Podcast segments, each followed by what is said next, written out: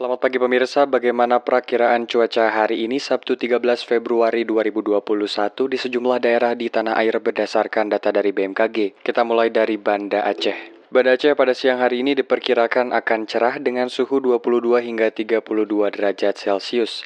Dan pasar pada siang hari ini akan hujan ringan dengan suhu 25 hingga 32 derajat Celcius. Beralih ke Serang pada siang hari ini akan hujan sedang dengan suhu 22 hingga 30 derajat Celcius. Bengkulu pada siang hari ini akan hujan sedang dengan suhu 22 hingga 32 derajat Celcius.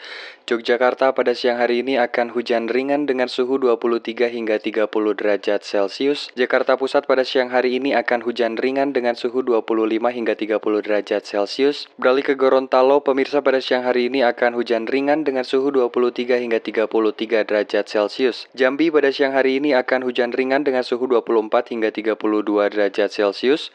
Bandung pada siang hari ini akan hujan sedang dengan suhu 20 sampai 29 derajat Celcius. Semarang pada siang hari ini akan berawan dengan suhu 24 sampai 31 derajat Celcius.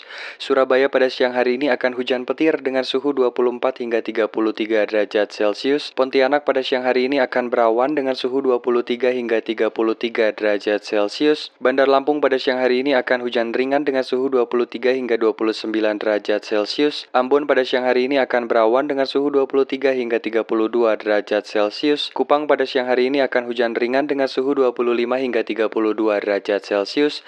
Makassar pada siang hari ini akan hujan sedang dengan suhu 25 hingga 31 derajat Celcius. Padang pada siang hari ini akan berawan dengan suhu 25 hingga 29 derajat Celcius. Palembang pada siang hari ini akan hujan ringan dengan suhu 23 hingga 30 derajat Celcius. Medan pada siang hari ini akan berawan dengan suhu 23 hingga 30 derajat Celcius. Pemirsa itulah data perakiraan cuaca hari ini berdasarkan data dari BMKG. Untuk Anda yang akan beraktivitas di luar rumah, tetap patuhi protokol kesehatan selama COVID-19. Saya Zaid pamit undur diri, sampai jumpa di berita-berita berikutnya.